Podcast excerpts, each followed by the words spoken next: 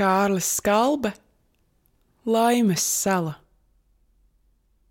Pār jūru, it kā viņas miklās dvašas nests, lielām slapjām pārslām nāca sniegs.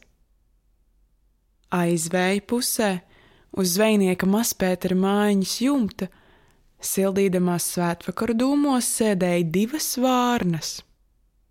Vārna, ej, vārniņ, viena prasīja otrai. Vai tev salst?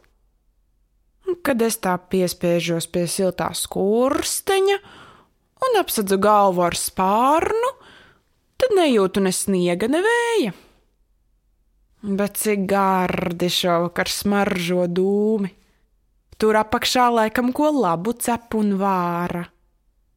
Gārdi, gārdi, otra vārna miegaini noteica un pabāza galvu zem spārnu. Sniega lēveņi, kas ar krēslu ietina mazo būdu, apdzēsa visas skaņas. Pat jūras šaukšana bija vāja dzirdama, bet iekšā saimniece, pietvīkušiem vaigiem nākdama no krāsnes un grozīdamās pa istabu, iznāsāja pa visiem kaktiem brīnišķīgu siltumu. Pie krāsnes bija nosviesti slapi zvejas zābaki.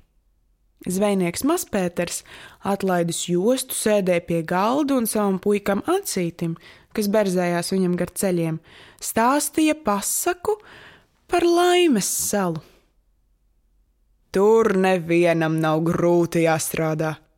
Maize ir visos kokos. Tur aug lieli kukuļi, balti kukuļi. Pasniedz tikai roku, bet pie maziem zariņiem karājas cukura kliņģerīši kā sarma ziemā. Kad vējš papurina, turi tik cepuri apakšā.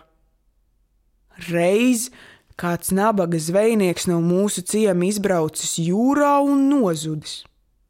Domājuši, ka būs noslīcis. Pagājuši trīs gadi, neviens vairs negaidījis, piepešs šis pārbrauc mājā. Laiva!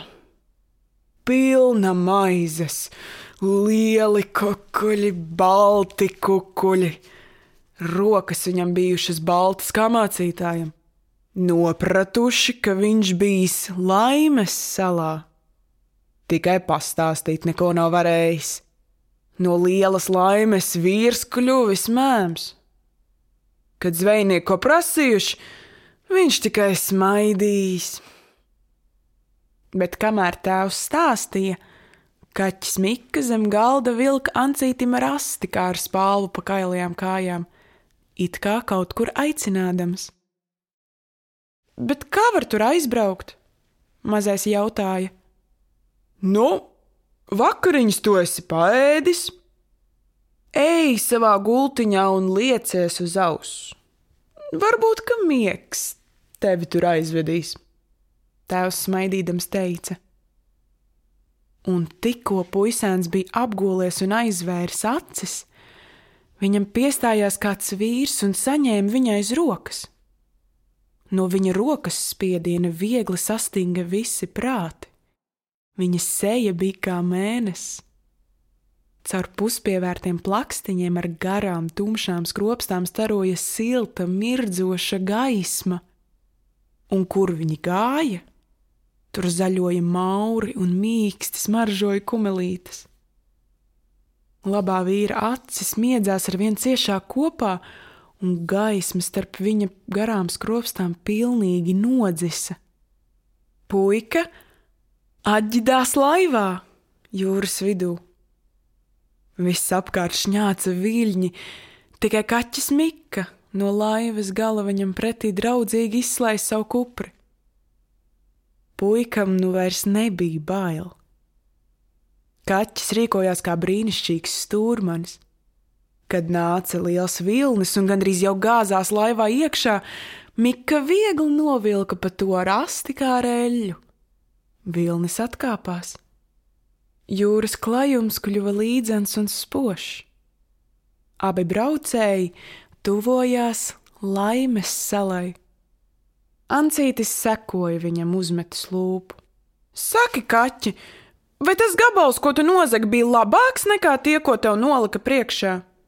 Ancītis jautāja. Nemaz ne, Mika atbildēja. Bet es pats mīlu sev sagādāt barību. Redzi, Ansīt, es esmu mednieks un makšķernieks, un ja es aizmirsīšu savu amatu, tad es beidzot nevarēšu noķert ne aklu pelīti. Bet kāpēc tad mēs braucām uz laimes salu? Varbūt tāpēc, lai redzētu, ka vislabākā ir tā pati pasaule, kurā dzīvojam, Mika domīgi noņurdēja. Latviešu tautas pasaka, mūžīgā pasaka. Vecos laikos dzīvoja ķēniņš, kas bija liels pasaku mīļotājs. Viņš savā galmā pulcināja ļaudis, kas mācīja stāstīt daudz pasaku. Kādreiz ķēniņš izsludināja pa visu valsti, lai piesakās ļaudis, kas prot stāstīt pasaku, kura nekad nebeidzas. Kas tādu mācēšot, tam viņš atstāšot sava ķēniņa valstību un došot princesi par sievu, bet kura pasaka izbeigsies, tam stāstītājam nocirtīšot galvu. Pieteicās daudzi augstmaņi, bet viņu stāstītās pasakas izbeidzās. Dažam pēc pusgada, gada vai diviem gadiem. Kādu dienu pie ķēniņa ieradās ganu zēns Ansītis. Viņš lūdza kalpiem, lai viņu ielaižot pie ķēniņa, kalpi negribēja laist. Ķēniņš dabūja to zināt un lika ielaist. Kad Ansītis ienāca, Ķēniņš viņu vēl brīdināja, ja pasaciņa beigsies, viņam slikti klāšoties. Ansītis droši atbildēja, ka viņam nesot bailes un viņš droši varot sākt.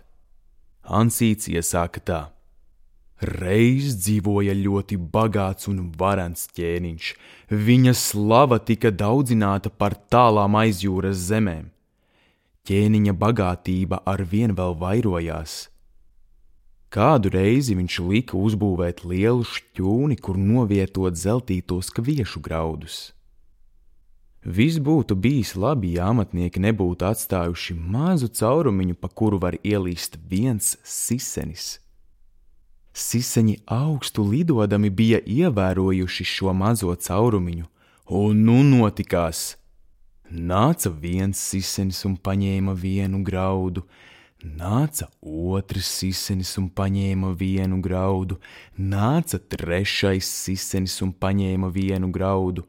Kad Ansīts jau divus gadus bija stāstījis vienu un to pašu, nāca viens sisenis un paņēma vienu graudu, nāca otrs sisenis un paņēma vienu graudu. Ķēniņš dusmās iekliedzās, vai vēl tie siseņi nav pēduši! Uz ķēniņa dusmām Ansītis atbildēja: Augstais ķēniņ, viss gaiss vēl pilns siseņu, tie pat aizsedz gaišo saulīti, un redz saules stars apspīd mūsu zemi.